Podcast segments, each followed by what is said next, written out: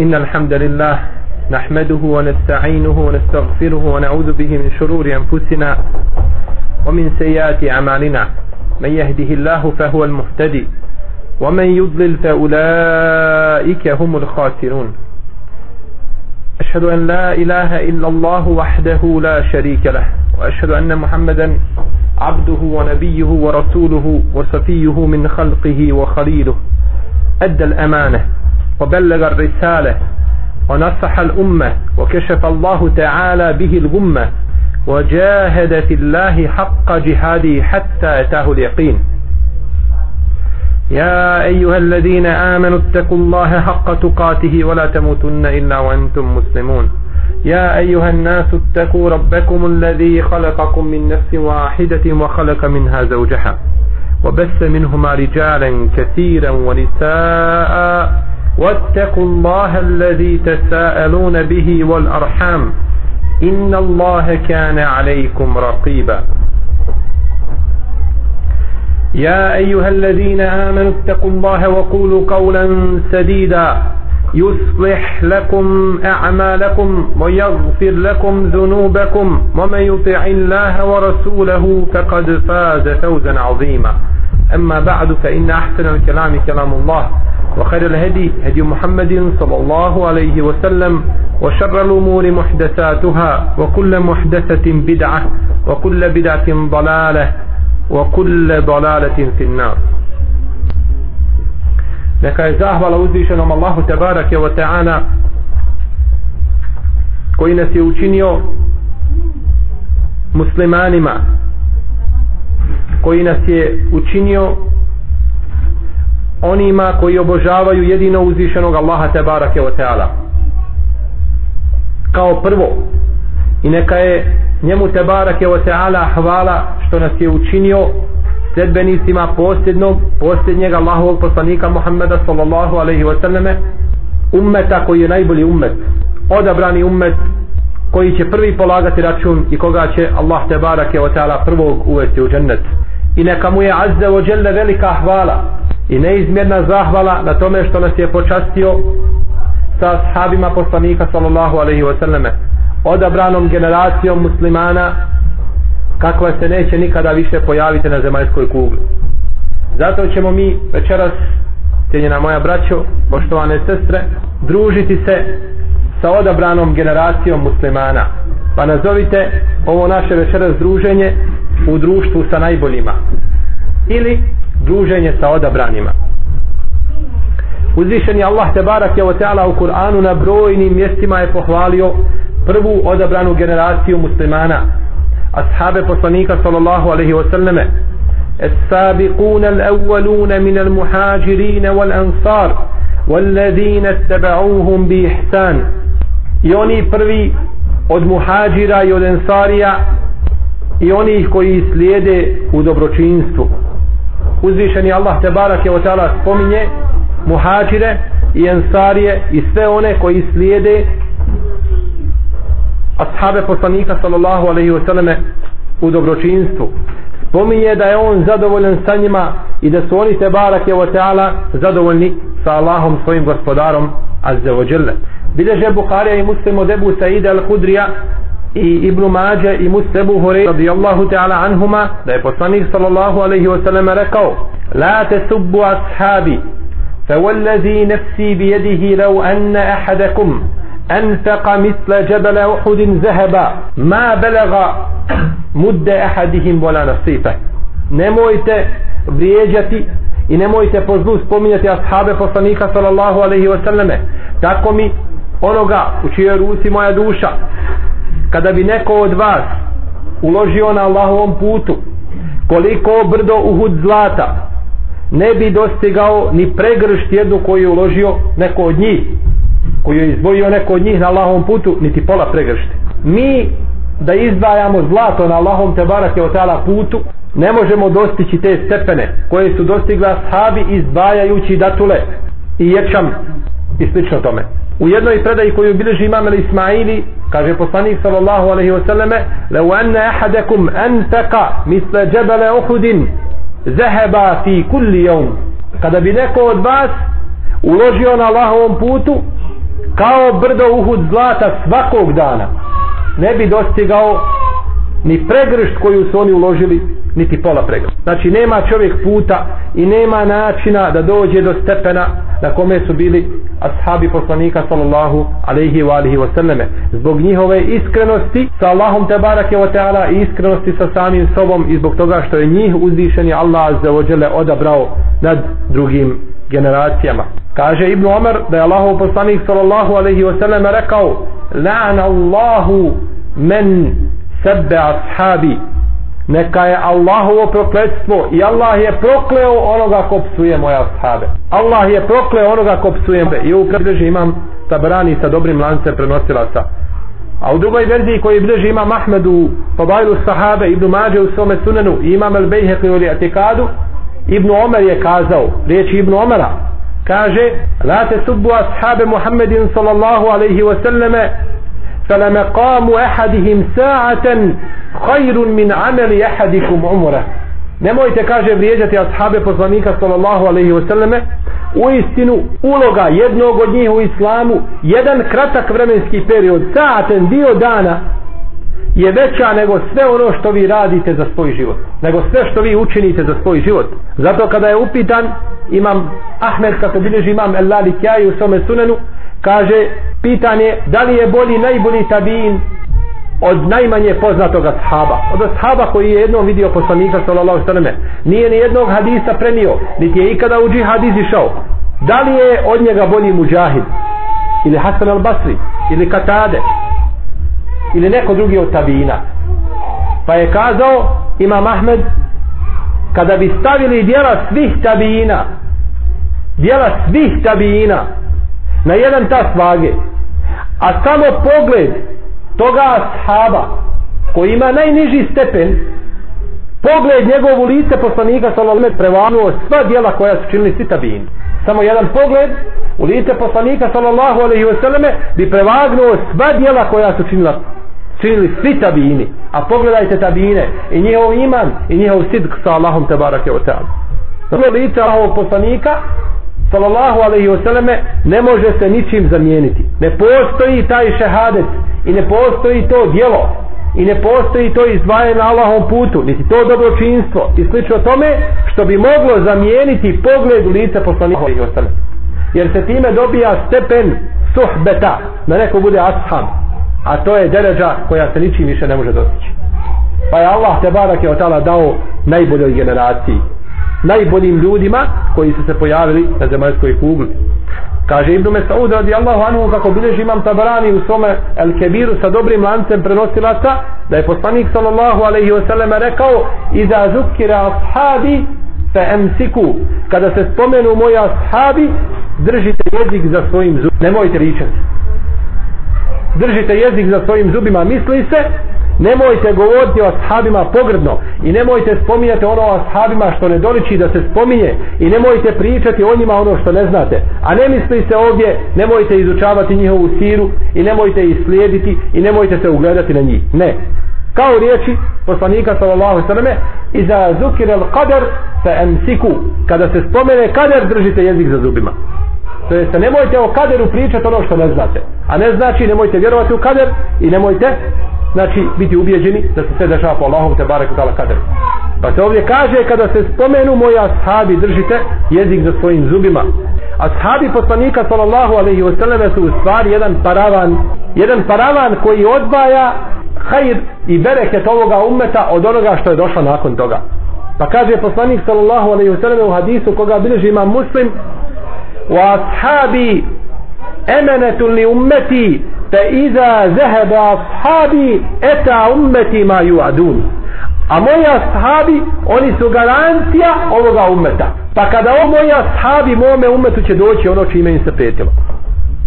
Mome ummetu će doći ono čime im se prijetilo. Pa ko pogleda u siru poslanika sallallahu alaihi wa sallame vidjet će jasno i siru ashaba vidjet će da, je, da su nakon ashaba poslanika sallallahu alaihi wa sallame nastupili fitneti i neredi. Kaže imam nevovi u svome komentaru na muslimo sahi, kaže doći će im ono što im se obećava, pojavom fitneta i nereda na zemlji, pojavom ratova, pojavom nemira, i slično tome pa će nastupiti znači ono čime se pretilo umetu poslanika sallallahu alaihi wa sallam bilježi imam Tabarani u svome dijelu Eleusat sa lancem čiji su prenosioci pouzdani da je jednoga dana Omer ibn Khattab radijallahu anhu sreo Ebu Zara pa ga uzeo za ruku. A Omer je radijallahu anhu bio izrazito jak čovjek pa je stisnuo ruku Ebu Zara pa je kazao Ebu Zar ersil jedi ja kaplel fitne. Kaže pusti moju ruku o katancu fitneta o katancu nereda i smutnji. Pa je kazao Omer radijallahu anhu oma kaplel fiten. A šta je to katanac fitneta i smutnji? Pa je kazao Ebu Zer skupio nas je jednoga dana poslanik sallallahu alaihi wa sallame i pričao nam i rekao je la tusibukum fitnetun ma dame fikum. Neće vas kaže zadesiti fitneti i neredi i smutnje dok ovaj bude boravio među vama. Misli na Omara radijallahu ta'ala anhu. Bileži Ibn Sadu svome dijelo je tabakat od Huzeyfe radijallahu anhu kaže bio sam na refatu sa Omerom i Khattabom bili smo na Arefatu. devetog Zulhidžeta. Kaže stojali smo moja deva pored njegove deve a moje koljeno dodiruje njegovo koljeno. Znači jedan uz drugoga. Omer radijallahu anhu vidio ljude kako dove i kako dignuti ruku obraćaju se svome gospodaru te barake o teanu u onim zadnjim momentima kada završava dana refata pred zalazak sami pred sami zalazak sunca. Kada je to Omer vidio jako mu se dopalo kako narod moli i bogobojaznost ljudi pa je kazao Huzeifi kaže šta misliš dokle će potrajati ovo dobro i ovaj hajr koji ima? Pa je kazao Huzeifa radijallahu anhu kaže alel fitneti babun fa iza kusir el babu au putih haređet kaže na fitnetima i neredima stoje jedna vrata. Kada ta vrata budu otvorena ili provaljena izići će fitneti. Pa je upitao Omar radijallahu anhu a šta je to provaljivanje ili otvaranje vrata? Šta znači to? Pa je kazao Uzeifa radijallahu anhu ređulun je mutu au yuktel jedan čovjek koji treba biti ili ubijen ili će umrijeti. Misleći na njega radijallahu ta'ala anhu na Omera, jeli pa je rekao o Huzeife šta misliš koga će narod nakon njega izabrati? Nakon toga čovjeka koga će narod izabrati kao kalifu? Kaže pričaju da će to biti Osman ibn Affan radijallahu ta'ala anhu pogledajmo kako su u vrijeme poslanika sallallahu alejhi ve selleme odnosno u vrijeme ashaba kako su bila vrata nereda i smutnji i zla koje se širi danas po svijetu bila zatvorena. Nije su mogla nije mogao ni jedan fitnet ni jedna smutnja izići i proći zbog njihovog imana i njihove iskrenosti sa svojim gospodarom te barake ota zato jedan čovjek kada je upitao Aliju radijallahu anhu kaže zbog čega se u tvoje vrijeme povećao broj fitneta i nereda? U vrijeme Omer. zbog čega? Kaže zato što je Omer bio vladar i halifa onima kao što sam ja. A ja sam kaže vladar i halifa onima kao što si ti. Hoće ukazati na njega i na njegovu neispravnost i neispravnost njegovog srca. Počeš od takvog pitanja pa nadalje. Generacija ashaba poslanika sallallahu alaihi wasallam je odabrano pokoljenje koje se neće pojaviti do sudnjega dana i nikada ni jedan poslanik nije odabran sa generacijom i nije odlikovan i nije počašćen sa generacijom kao što je naš poslanik sallallahu alaihi wasallam ni sledbenici Musa alaihi sallam ni sledbenici Isa ni niko drugi. Zato su ashabi najbolji ljudi nakon vjerovjesnika i poslanika. Zato je naš Ebu Bekr bolji od svakoga osim vjerovjesnika i poslanika bolji je čak i od Marijeme alaihissalam majke Isa alaihissalam bolji od nje. Najbolji čovjek na Dunjavuku nakon vjerovjesnika i poslanika je Ebu Bekr radijallahu ta'ala. potom Omer, potom Osman potom Ali. Ashabi poslanika sallallahu alaihi wa alihi wa sallam. Bileže imam muslim u svome sahihu priču Sada ibn Abi Vakasa a on je jedan od deseterice koji su obradovani džennetom. Nakon što je primio islam, njegova majka se je zaklela da neće da neće jesti i da neće piti dok se ne odmete od svoje vjere. Kaže, neću jesti, neću piti dok se ne vratiš na vjeru svojih predaka. Pa nije jela ni pila.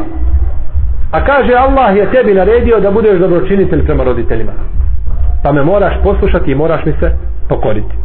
Pa nije jela nekoliko dana, kaže svoj predaj, pa se onestila. Pa se onestila.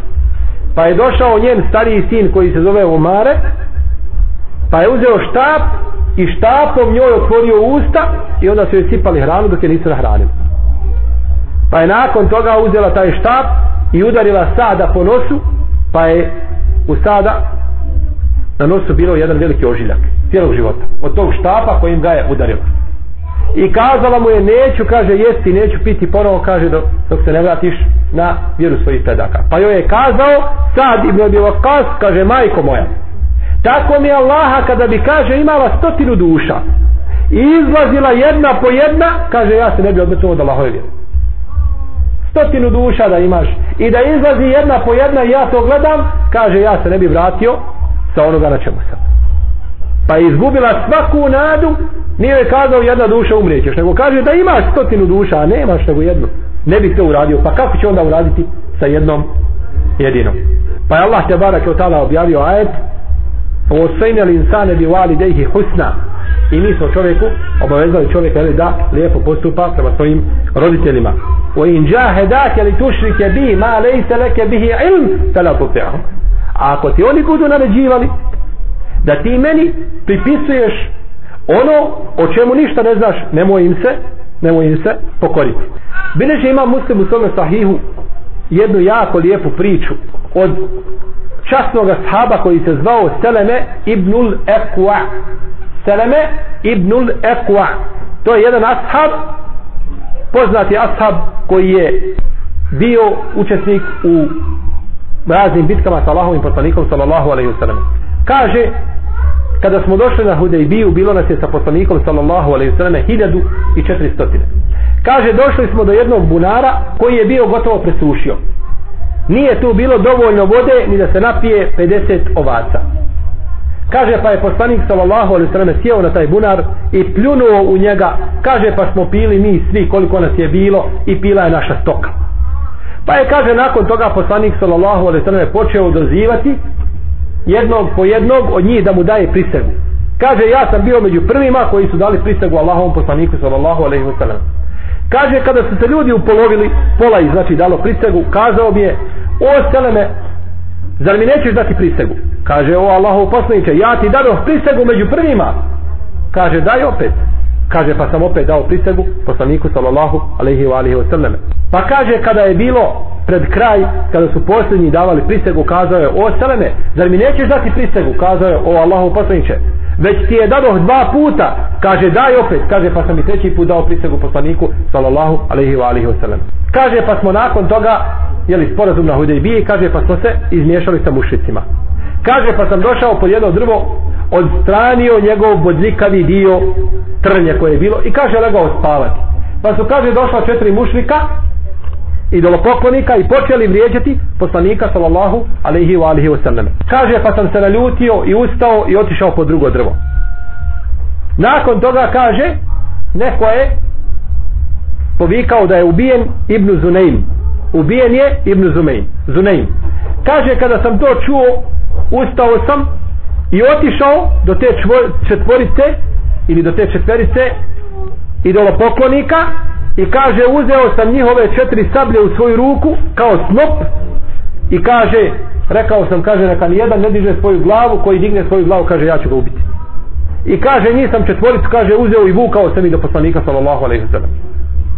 Kaže u to vrijeme moj Amidža je doveo čovjeka koji se zvao Mikrez moj Amidža doveo čovjeka koji se zvao Mikrez a za njim je isto 70 ljudi slijedilo ga.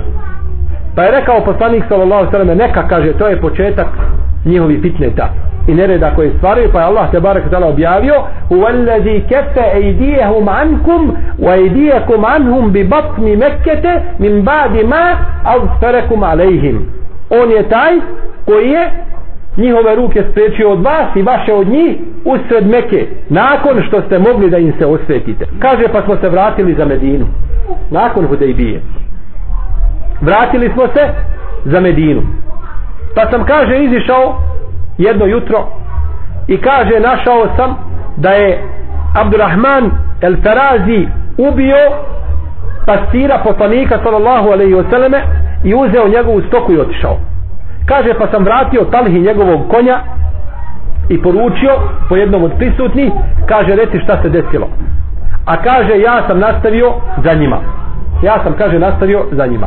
Kaže gonio sam ih tako kada bi stigao nekoga od njih sjelo bi kaže ispod drveta i gađao kaže njegovog konja da ga ne bi ubio. Pa bi kaže onda ubio i njega. I kaže tako sam ih gonio i proganjao kaže a oni su pustali stoku pustali su stoku koju su bili oteli njih skupina jedna velika oteli su stoku i pustali su je kaže dok nisam oslobodio svu stoku koju su uzeli. Nakon toga kaže i dalje sam gonio ih. Ali šta je ovdje čudno? Da je ovaj Seleme ibn Lekua trčao na svojim nogama za njima dok su oni jahali. Oni su jahali na svojim jahalicama a on je trčao za njima i nisu mu mogli pobjeći kaže toliko sam trčao za njima da su kaže počeli bacati svoje ogrtače i sablje i sve što su imali na tereta jeli na svojim devama samo da pobjegnu. A kaže kada bi god nešto bacili ja bi to kaže obilježio jednim kamenom da to ne bi jeli prašina namela. Kaže da zna poslanik sallallahu alaihi sallame i ashabi gdje je to. Pa bi kaže čati za njima. Kaže došli su kaže do jednog uskog klanca pa sam kaže došao iznad klanca i sjeo. Pa su kaže poslali meni četvoricu ljudi kažu jedan bio ko si ti? Kaže ene ibnul ekwa wal jevmu jevmu rudda. Kaže ja sam sin ekwae a danas je dan pogibije. Kaže niko od vas neće bježati na svome konju a da ga ja neće stići. Ako god mene potjera kaže neće me moći stići. Pa su kazali mi tebi vjerujemo to što ti govoriš. Kaže pa su se vratili nazad. Pa su nastavili bježati kaže pa sam nastavio za njima. Kaže došli su do jednog mjesta da piju vode. Jedan bunar je bio gdje će piti vode. Kaže tako sam brzo trčao iza njih. Kaže kad su samo stali sišli sa svojih jahalica da piju vodu. Kaže kad su me ugledali kaže pobjegli su vallahi kaže kapi vode ni jedan ukusio nije. Njih skupina na svojim jahalicama nisu okusili ni kapi vode i svi su pobjegli. I kaže ja sam nastavio trčati kaže za njima opet su kaže stali da se odmore. Ne mogu više. Kaže ja sam stao. Nakon toga sam kaže vidio Allahovog poslanika i ashabe kako između drveća prilaze. Kako prilaze? Meni. Kaže pa sam rekao Allahov poslaniče kaže uz, jeste uzeli to znači što sam obilježio? Kaže jesmo. Kaže pa sam nastavio trčati za njima. Kaže tako da sam opet Allahov poslanika ashabe izgubio iz vida. Ni Allahov poslanik trčao za ovima a ostavio Allahov poslanika za sebe. Nisu mogli Allahov poslanik i ashabi da stići. A ovo priča za bliži ima muslim u svome sahihu. Priča vjerodostoje. Kaže pa, kada se opet stali da odmone, došao je Allahov poslanik i rekao sam, kaže Allahov poslanik, daj mi, kaže, stotinu ljudi da ih proganjam. Ovo ukazuje da nije bio veliki broj. Zbog čega bi on skražio stotin ljudi, a sam je moćan da, da im muke zadaje. Kaže, daj mi stotinu ljudi, kaže, da jam, kaže, dok ne uzem šta imaju. Pa kaže, bili ti to učinio od seleme, kaže, bi tako mi Allaha. Pa se, kaže, poslanik, sallallahu sallam, tako osmijenuo da sam vidio njegove kutnjake i nakon toga su se vratili za Medinu i izlazak dalje u pohode. Ova je priča jako duga jedan od najdužih hadisa u, u, u, u sahihu imama muslima. Ko hoće može se vratiti znači na ovu priču ona čak ima i u prevodu i u prevodu sahihu muslima.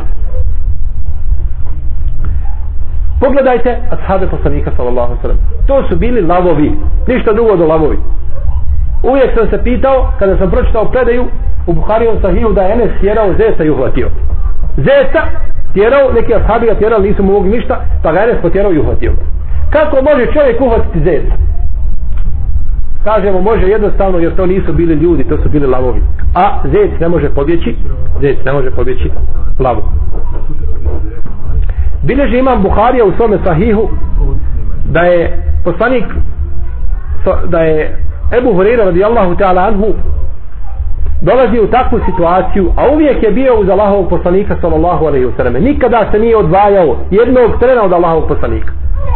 Zato kaže Omer, kaže zabavilo je, zabavila je Omera trgovina po medijinskim pijacama dok je Ebu Hureyre sjedio pored poslanika sallallahu sallam i sticao znanje pa Ebu Hureyre ashab koji je prenio najviše hadisa od Allahovog poslanika alaihi salatu wasalam kaže Ebu Hureyre kaže jedne prilike sam kaže pošao od Mimbara ka kući poslanika sallallahu alaihi sallam to je bilo jako malo rastojanje znači jer je Allahov poslanik iz džamije ulazio u svoju kuću.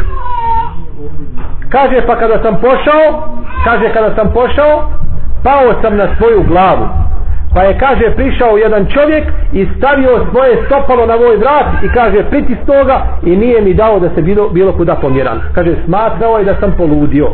Smatrao je da sam poludio. A kaže tako mi Allaha ja nisam poludio već sam bio već sam gladan. Pa Ebu Hureyre radijallahu ta'ala od gladi znači pao na zemlju u jednoj drugoj predaji koju isto bilježi imam Buharija u svome sahiju kaže se da je Ebu Hureyre jednog dana zaustavio Omara ibn Khattaba radijallahu anhu. Da ga je zaustavio i kazao mu reci mi jedan ajet. Upitao ga za jedan ajet. A u njihovo vrijeme je bio običaj kada čovjek upita čovjek za ajet čovjek upita čovjeka za ajet kaže dođi sa mnom u kuću pa ćemo sjeti, sjesti pa ćemo se podsjetiti ajeta pa ćemo nešto i pojesti kaže pa je Omer proučio ajet i ušao u svoju kuću i zatvorio vrati a kaže tako mi Allaha, ja sam taj ajet znao bolje od, od njega. No međutim upitao sam ga kako ide onaj ajet ne bili kazao hajde sa mnom u kuću pa ćemo vidjeti. Kaže pa sam nakon toga malo krenuo kaže pa sam se strovalio na glavu od gladi. Kaže pa je došao poslanik sallallahu alejhi ve sellem i rekao o Ebu Hureyre, šta ti je? Rekao je o Ebu Hureyre, kaže odazivam se o Allahu poslanice kaže tebi sam na raspolaganju reci. Kaže šta ti je? Kaže pa sam šutao. Pa je kaže vidio šta je sa mnom pa me kaže odveo sa sobom u kuću i dao mi kaže jednu posudu da pijem mlijeko kaže pa sam pio. Pa je rekao pi ponovo. Kaže pa sam pio. Pa je rekao pi ponovo. Kaže pa sam pio. Pa kaže sve dok stomak moj nije narastao kao je li ona posuda iz koje sam pio to mlijeko. Pa sam kaže rekao Omeru o Omere kaže tako mi Allaha znao sam ja ajet bolje nego tebe ali kaže nije mi to bio cilj pa je kazao Omer kaže da sam te uveo u kuću i da sam to učinio što je učinio Allahov poslanik sallallahu alejhi ve kaže to bi mi bilo draže nego stado crvenih deva Bileže ima muslim u svome sahihu od Džabira radijallahu ta'ala anhu da je poslanik sallallahu alaihi wa sallame jedne prilike poslao jednu vojsku i stavio im je kao vođu Ebu Ubejdu. Ebu Ubejdu pa su izišli u tu bitku a nisu sa sobom ništa imali pa su upitali Džabira kako ste prolazili? Kako ste prolazili? Kaže prolazili smo kaže prolazili smo tako što bi kaže jedan od nas uzeo datulu i kaže stavio je pod svoj jezik i kaže sisao bi je kao što dijete siše dojku svoje majke. I kaže to bi nam bilo dovoljno od jutra do naveče tako bismo kaže preživljavali pa su nakon toga izišli na jednu morsku obalu pa su tamo našli jednog velikog kita koga je izbacilo more. Koga je izbacilo more. Pa su kazali ovo je lešina a nama je lešina zabranjena. Nisu znali propis. Nisu znali propis da je ono što iziđe iz mora živo ili mrtvo da je to šta? Halal i dozvoljeno da jeste pa je rekao Ebu Ubejde kaže mi smo prisiljeni. Mi smo kaže prisiljeni da jedemo. Mi smo kaže prisiljeni da jedemo. Moramo jesti kaže pa smo jeli. Bilo nas je kaže tri stotine pa smo se kaže svi ugojili i svi smo udebljali. Od toga hita koga smo koga smo jeli. Kaže jeli smo kaže salo iz njegovih očiju koje je bilo vadili ga i jeli ga. Kaže tako kada smo kaže pojeli to što je bilo u očnoj šupljini kaže Ebu Ubejd je naredio kaže ljudima da se popnu u njegovu očnu šupljinu. Kaže pa je 13 ljudi sjelo u tu očnu šupljinu. Gdje je oko bilo hita 13 ljudi sjelo. Kaže pa Ebu Ubejd je uzeo jedan jedno rebro od njega i stavio ga posadio ga. Kaže pa je prošao konjanik ispod toga rebra. Ispod toga rebra od kita. Pa su jeli od njega. Kao staniku sallahu alaihi i kazali mu upitao je kaže imate li još od toga kita? Kaže imamo. Pa su dali poslaniku sallallahu alaihi wasallam pa je jeo i on. Pa je jeo i poslanik sallallahu alaihi wasallam od njega. Pogledajte požrtvovanost ashaba poslanika sallallahu alaihi wasallam izaći u bitku a da svako sa sobom ima za jedan dan jednu datulu. Jednu datulu, jednu temru. I ima nešto vode da popije to je udujutro do naveče i opet sutradan ista stvar znači sa datumom i sa nešto malo vode da preživi čovjek cijeli dan. Da mi imamo danas ljude poput ovih ne bi naše stanje bilo onako kako je. Bilo bi sigurno drugačije i bilo bi sigurno bolje. Pogledajte predaju koje je zabilježio Ebu Noaim u svome dijelu koji je zabilježio Ebu Nuaym u svome dijelu El Hilije u kome se kaže da je Omer radijallahu anhu u vrijeme hilafeta Ebu Bekra izlazio u predgrađe Medine da služi jednu slijepu staricu. Izlazio je da služi jednu slijepu staricu da joj priprema vodu, hranu i slično tome. Kada bi god došao da joj nešto pripremi našao bi nekoga da ga je pretekao u tome da ga je pretekao u tome pa je kazao tako mi Allaha ja ću mu sjesti na da vidim ko je taj čovjek. Kome prestiže u tome dobro kaže pa sam jedan dan sjeo i čekao kaže pa sam ga vidio kako prilazi. Kaže kada se prima kao vidio sam kaže da je to Ebu Bekr. Ebu Bekr halifa muslimana brine o jednoj starici na predgrađu Medine koja je slijepa. Puno ga treba boliti glava za njom jel? po našim dalješnjim kriterijima. Vladari ne brinu za društvima cijelim i za omladinom i slično tome da neko brine za jednom starom stepom staricom koja će možda živjeti Allah zna koliko je vreme pa ako neko upita zbog čega je naše stanje a njih bilo onako kažemo pogledajte naše stanje i pogledajte njihovo stanje. Pogledajte njihov iman i njihovu iskrenost pogledajte naš, nas i našu iskrenost. Pa ćete lahko moći uočiti razliku između dvije generacije. A razlika je vidna i svako je može uočiti svako je može primijetiti a ima Malik je nama postavio temelj i pravilo koga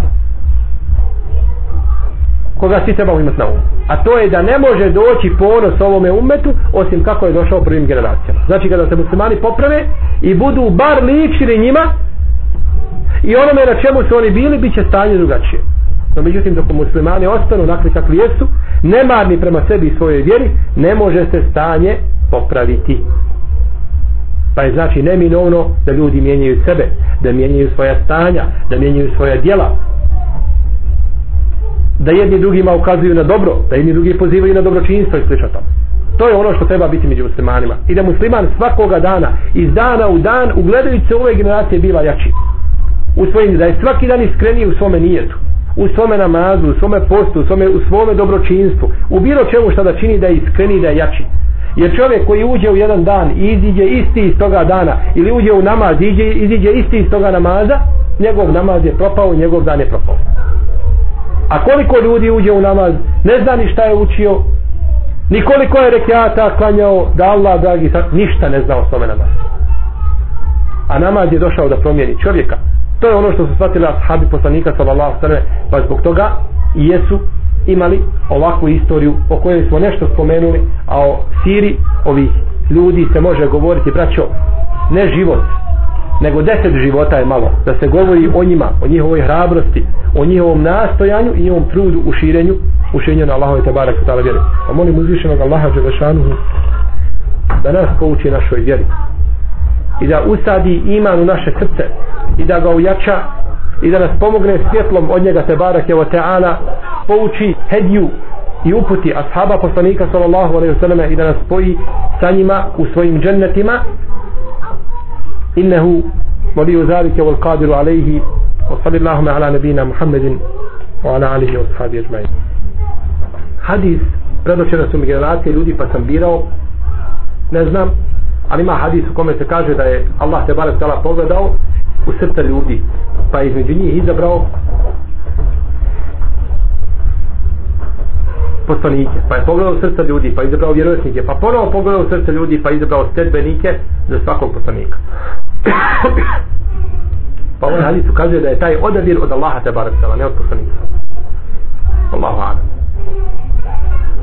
ne reda ne ne morala ne reda jesu ko sad primjeri, primjeri jedan sunet da ima nagradu što šehida nema tog hadisa. Postoji taj hadis. Ma nagradu ko se bude držao moga sunneta men te meseke bi sunneti inda ihtilati ummeti fa lehu ežu hamsine šehida. Ko se bude držao moga sunneta u vremenu kada se ljudi budu razilazili, kada budu neredi fitne, tijeli smutnje, imat će nagradu 50 šehida, 50, a, še, nagradu 50 šehida min kum od vas, od ashaba.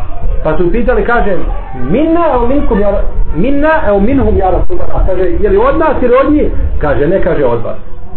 Pa će može čovjek imati nagradu 50 šehida od ashaba, to ne smeta. To se ne kosi sa onim što sam spomenuo. Ali ne može imati nagradu čega? Ashaba. On može imati nagradu šehida od ashaba. A ne može imati nagradu suhbeta da bude ashab.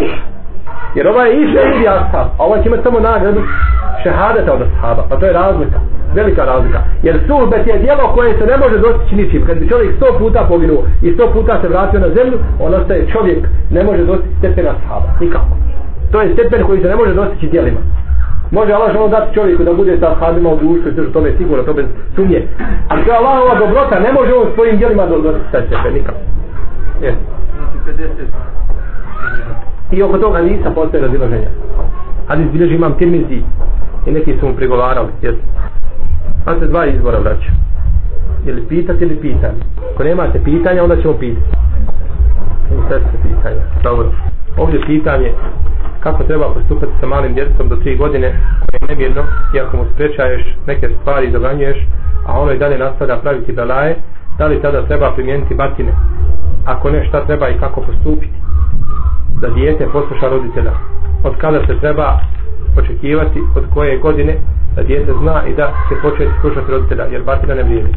Prvo djeca se razlikuju po svojim umnim i fizičkim i brojnim drugim sposobnostima. Znači nisu sad djeca ista kao što svi ljudi nisu isti tako nisu djeca. Pa je neispravno znači tu djecu znači ovaj rezonovati jeli i a, prema njima se odnositi po jednom šablonu.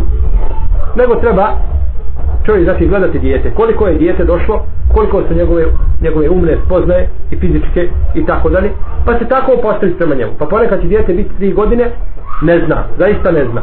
A imate dijete od tri godine zna i razumije. I kada mu se kaže svata, on međutim neće. Pa to dijete koje svata prema njemu se primjenjuje mjere. Pa se gleda terhib i terhib. Posticanje i plašenje. Ponekad ga lijepom riječi ponekad ga kupiš poklonom hedijom nekakvom ponekad zagalamiš ponekad lijepom riječu ponekad batinom no međutim to udaranje batinove znači znači ono klasično batinjanje koje je poznano poznato bilo jeli davno nego znači da se udari da se malo preplaši jer ako se tuče puno onda dijete okali i na batinu. Pa ništa onda više nakon toga ni batinu nego ti da gleda a mora znati da je dijete dijete. I da se djeca razlikuje. Imate mirne djece kada dođe sjedi pored svoje majke cijelo vrijeme u džavi. A imate i ovi razbijača kao što je ovdje čujemo? Skaču cijelo vrijeme lupaju. To je priroda djeteta. To je priroda djeteta i to je potpuno normalno. Pa znači neka su djeca ovako neka su djeca onako. Tako da znači treba gledati najedukatniji metod da se djeteto znači priđe. Ali ne treba očekivati od djeteta ono što se očekuje od odrastog neko hoće da učini i vidjeli smo imaju dvije ovdje stvari. Imaju ljudi koji imaju jednu krajnost i ljudi koji imaju drugu krajnost. Jedni može sjediti pored djeteta da sve prevrće i razbija kao da se ništa ne dešava. Kao da on nije tu i kao da njegovo djete ništa ne čini. To je potpuno pogrešno. Bilo da si u džami ili u svojoj kući ili u zijaretu kod nekoga mora postati neki kodeks ponašanja. A imaju drugi koji djetetu dok pomjeri malim prstom udari ga. To je druga krajnost. Žestina ne djetetu se pusti ali ima znači neka granica. Pa se znači nekad ukoli, nekad mu se lijepo kaže i tako dalje. Sve shodno situaciji sve shodno situaciji tako da u svakom slučaju treba stati da su djeca djeca. Ne treba ih vrijeđati ne treba im ružno govoriti jer to utječe negativno na djecu. Allah Allah jer batina ne vrijedi. Pa dobro ne vrijedi svoj djeci nekoj vjeri. poslanik sallallahu sallam je rekao u jednom hadisu koga bi imam tabarani kaže okačite bičeve na svoje kuće kaže da vam porodice budu u redu. Svojim kućama je sunet da ima bić okačen. Jel za djecu? Ne za ženu za djecu. Da budu bičevi okačeni da djeca kaže da djeca budu poslušna. tako da to je znači da djeca da se plaše ne znači da i treba batinjati ili sotim i da i treba udarati na način kako to šerijet nije dozvolio. Pa je zabranjeno udarati po licu Policija licu je udarac. udarati je zabranjeno udarac da ostaju ožiljci trajni. I da se ne nesu povrede po bubrezi šta već djela znači udara se tamo gdje dijete može trpiti gdje može izdržati znači taj udarac. Jer udarac nije udarac nije on ciljan sobom nego je ciljano da dijete shvati da je da su babini i živci na ivici strpljivosti. Biće svašta pa da shvati. Kako da Allah te bar stalo u Kur'anu? Obribuhun žene na kraju. Savjete je neće. Odvoji se u posteli neće. Kaže onda udarite. Kako udarite? Slomite ih nikako. Nego udarje kaže ulema uzmi misvak onaj tanki udar je po ramenu. Ne znači nije udarac ovdje stidan jer koga neće popraviti lijepa riječ i savjet neće ga popraviti ni batina. To je nemoguće. No među